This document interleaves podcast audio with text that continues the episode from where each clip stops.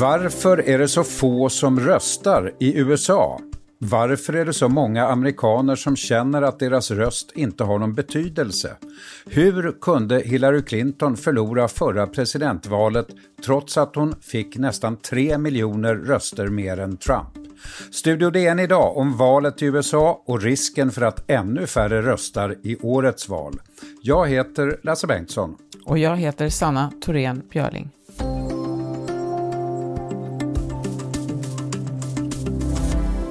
I det senaste riksdagsvalet i Sverige röstade 87 procent av väljarna. I USA bara omkring 55 procent. Inför det här valet har dessutom den sittande presidenten Donald Trump gjort allt för att sprida osäkerhet om det amerikanska valsystemets pålitlighet, inte minst då poströsterna. Man skulle ju kunna misstänka att det kan leda till ett ännu lägre valdeltagande i år. Äh, det spelar ändå ingen roll. Vad tror du, Sanna? Nej, jag vet inte hur mycket just poströstningen, eh, jag tror att det förtroendet för poströstningen är allvarligt om det skadas, för att, att folk eh, inte väljer att poströsta för att de tror att det är något konstigt med det där med poströstning, om de har hört att det inte kanske blir som det ska. Men att det kan spilla över kanske på hela systemet också, den här misstänksamheten som sås av Trump. Ja, han har ju systematiskt ända sedan förra valet eh, sått, eh, försökt så tvivel om, om det korrekta i valsystemet och att det skulle vara ett utbrett valfusk. Det har ju aldrig funnits något utpräglat eh, valfusk eh, i USA. Det har varit enstaka fall, men absolut ingenting som har varit av någon systematisk karaktär. Är det då Trump som tjänar mest på ett lågt valdeltagande? Ja, det tror jag. Ehm, det brukar ju vara så att eh, eh, de grupper som eh, oftast, som är lite svårast att få till vallokalerna, många av de grupperna röstar ju oftast på Demokraterna.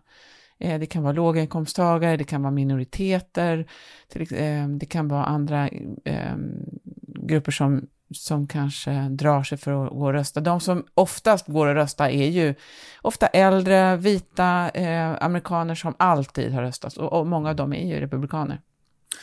Ungefär 55 procents valdeltagande i USA, så det finns ju många skäl till det, inte minst då historiska. Tanken var väl vad jag förstår att en upplyst elit skulle leda. Folk på landsbygden ansågs inte veta tillräckligt mycket. Var, var det skälet till det här indirekta valsystemet som det talas så mycket om nu? De elektorerna, Sanna? Ja, men alltså det är, USA är ju inte heller det enda land som, där man eh, framförallt har gett rösträtten till de vita männen. Det, så har det ju varit på många håll.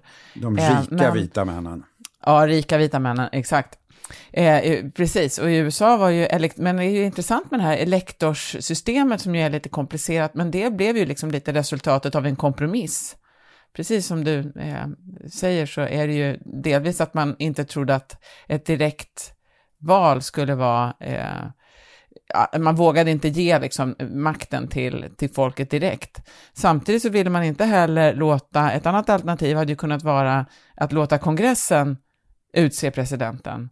Men då hade man ju konstruerat den här eh, varianten om maktdelning där den lagstiftande och den verkställande makten, alltså kongressen och presidenten, skulle ju vara åtskilda och, och utöva någon slags kontroll på varandra. Och då vågade man ju inte ge makten att utse presidenten till parlamentet. Då fanns det ju en, liksom en bindning däremellan och då blev det någon slags mellanväg här. Men jag har också hört att det också berodde på att de, när de satt där och förhandlade om det här så till slut så var alla så utmattade att de kompromissade sig fram till det här. Jag tänkte, ja, vi, vi testar det här.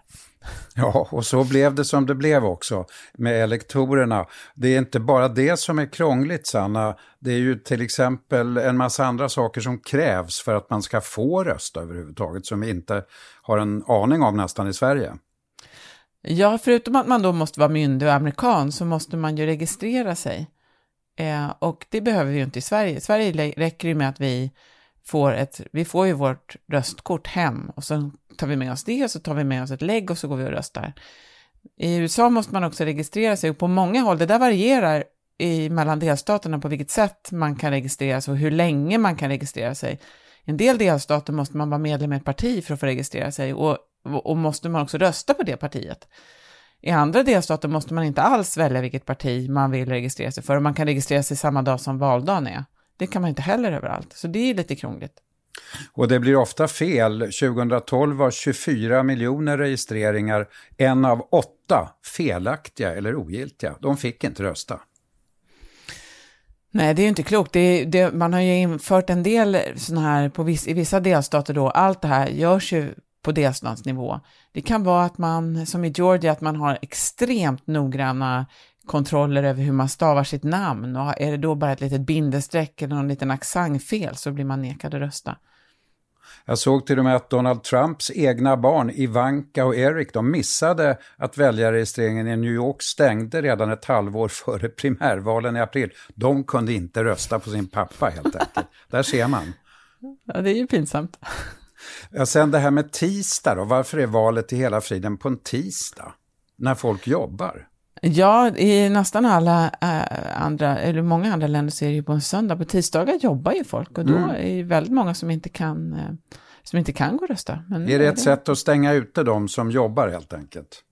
Ja, ursprungligen är det väl inte det, men nu är det ju det. Men det här är, det här är sen gammalt, kan man inte ändra på det då? Jo, det borde man kunna ändra på. Men det finns ju incitament för att behålla det eh, där det är, för de som inte tycker att man ska rösta. Det här med de olika befolkningsgrupperna då, Sanna, det, det skiljer sig rätt mycket röstandet mellan dem, inte sant?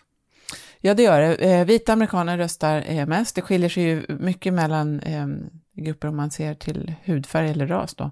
Eh, afroamerikaner har ju sedan Obama blev vald röstat i ungefär lika hög grad som, som, som vita amerikaner. Eh, medan asiater och latinoröstare, eh, väljare röstar i betydligt mindre utsträckning. Och det där är ju spännande, inte minst eh, i år, tycker jag, när man ser, det finns ju flera delstater där andelen latinos är väldigt hög och skulle kunna avgöra valet, i Arizona eller i Florida till exempel. Jag såg att inte mindre än var fjärde afroamerikansk manlig väljare i Florida just inte får rösta. Hur kommer det sig?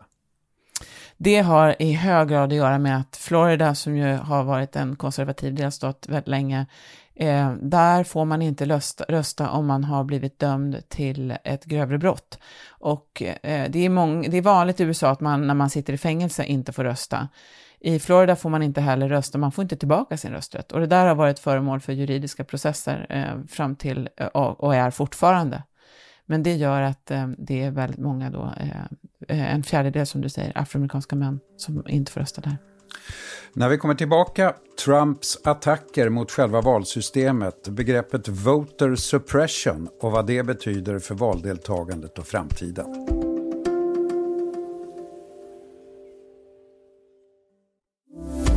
Ja, Sanna, en annan fråga som jag reagerar för det är det här valsystemet som gör att många inte känner att deras röst räknas. En röst har större eller mindre betydelse beroende på var väljaren är bosatt. Ja, precis, och det har ju att göra med, den här, eh, med elektorskollegiet egentligen, eh, som gör att det finns 538 elektorer som är fördelade efter folkmängd, delstaternas folkmängd. Och alla elektorer för en delstat går till den kandidat som vinner en, eh, en majoritet av rösterna i den delstaten. Så att eh, då vet man att i många delstater så är ju, eh, vet man vilken kandidat som får flest röster, alltså tar hem alla elektorer. Så att det spelar ingen roll då om man har, om säg att en kandidat får 40 procent av rösterna, de rösterna får ju ingen representation uppåt. Och så där är det ju i eh, ett 40-tal delstater skulle man kunna säga. Och då blir det ju, sprids det ju också en känsla förstås, om man bor i Kalifornien, där nästan alla är demokrater, eller en, en inte alla, men en, en klar majoritet är demokrater. Är man då republikan där, så vet man ju att det spelar inte så stor roll, för att man kanske markerar vad man tycker, men det får ingen som helst effekt i själva valet. Man struntar i det helt enkelt. Den viktiga frågan om poströstning då. I år under pandemin har man ju trott att poströstandet skulle bli extra viktigt men där skiljer det sig också åt mellan delstaterna, inte sant? Ja, det är precis samma, samma sak där, att post, hur man gör för att poströsta varierar mellan delstaterna. Det, kan, det bestämmer man på delstatsnivå. Det finns delstater där alla får poströstvalsedlar hemskickade till sig automatiskt. Och det finns delstater där man måste ha särskilt tillstånd för att få poströsta. Och sen finns det olika mellanvägar här där man måste skicka efter, många delstater har så att man måste skicka efter en poströstvalsedel. Det betyder att man måste ha två kontakter med posten för att kunna poströsta. Och Trump han attackerar poströstandet hela tiden och misstänkliggör systemet. Så här är en av de alla saker han har sagt.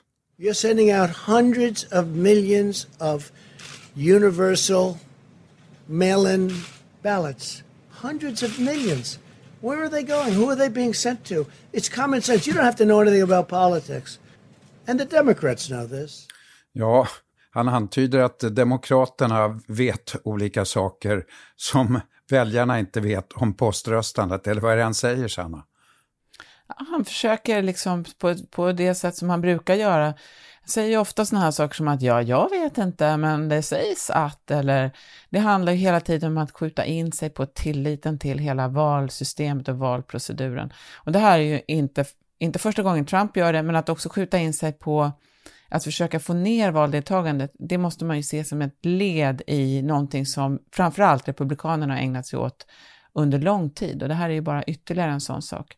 Det, jag tycker en sak ska man komma ihåg här, att när det gäller poströstning så har det ju varit Republikanerna som också tidigare i alla fall har, har ansett sig att det här kan ju vara någonting som gynnar dem, därför att de har många äldre väljare, inte minst till exempel i Florida, som skulle ju, som, där poströstning passar ganska bra. Nu har Trump till och med eh, uppmanat väljarna nyligen i North Carolina att rösta två gånger för att testa systemet. Rätt anmärkningsvärt. Ja, det är verkligen anmärkningsvärt. Det finns, det finns ju en, en, en rad också processer som, som pågår kring de här olika sätten att rösta. Och om, om Trump kan få till det, liksom nya beslut på delstatlig och lokal nivå som begränsar poströstningen, då måste det få stora konsekvenser för valdeltagandet. Ja, och det har vi ju sett den här debatten kring postens, själva postens mm. finansiering. Och man håller också på att titta på vilka, eh, vilka delar som, eh, om, om en poströst måste vara stämplad eh, på valdagen, om det räcker, eller om den måste vara inne på valdagen. Eh, så det där, det där är ju inte helt klart än och det där kan också variera mellan delstaterna. Det känns ju rent allmänt som att det är ett väldigt tryck eh, eh, för att, eh, att få folk att inte rösta så mycket. Voter suppression finns till och med ett uttryck som är svårt att förstå för oss svenskar tror jag. Vad är det egentligen? Röstförtryck, Sanna? Ja, det är precis vad det är. Eh, 2013 kom det ett viktigt beslut i, i Högsta domstolen som tog bort en, eh, en lag som sa att om de delstater som hade ett, ett, ett lång, en lång historia av segregation och förtryck, framförallt i praktiken sydstaterna, de har hit, hade hit, dittills alltid behövt söka, ansöka om lov från justitiedepartementet för att få ändra i sina vallagar. Det där tog man bort 2013 och för man ansåg att det där systemet, den där segregationen, den där rasismen, den var, eh, var historisk. Den var historisk, det gällde inte längre. Men det dröjde bara några veckor tills den första, till de första delarna, förändringarna i vallagarna infördes. Och sedan dess har det varit hundratals olika förändringar i vallagarna över hela USA, men framför allt i just de här delstaterna. Det handlar om att man stänger vallokaler, man ändrar öppettider på vallokalerna, man inför särskilda krav för olika ID, typer av ID-handlingar eh, och man försöker på olika sätt att trycka ner eh, antalet, eh, trycka ner valdeltagandet. Och vem är det som driver det här då på ett så systematiskt sätt? Det är nästan alltid Republikanerna, eh, därför att de vet eh, att de befinner sig i en demografisk, eh, de, deras väljare befinner, är, är i en demografisk grupp som minskar. Gerrymandering är en annan sån viktig sak, som också Demokraterna ägnar sig åt ibland, men det är där man alltså ritar om valkretsar, valdistrikt, för att passa det egna partiet. Och konsekvenserna då på sikt, eh, Sanna, för demokratin, eh, ja, i det här valet till att börja med?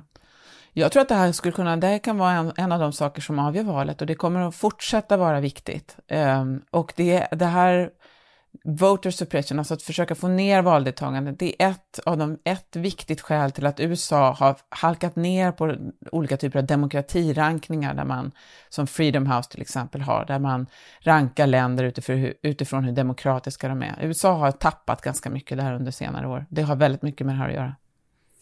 Och till sist då Sanna, vad avgör slutligen vem som vinner det här valet? Är det några överhuvudtaget som ändrar sig nu mot slutet?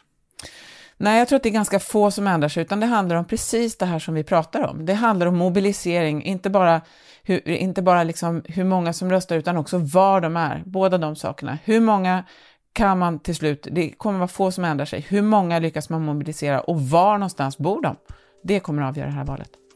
Studio DN görs för Podplay. Producent Sabina Marmelakai, exekutiv producent Augustina Erba, ljudtekniker Patrik Miesenberger, teknik Jonas Lindskog, Bauer Media. Jag heter Lasse Bengtsson. Och jag heter Sanna Thorén Björling.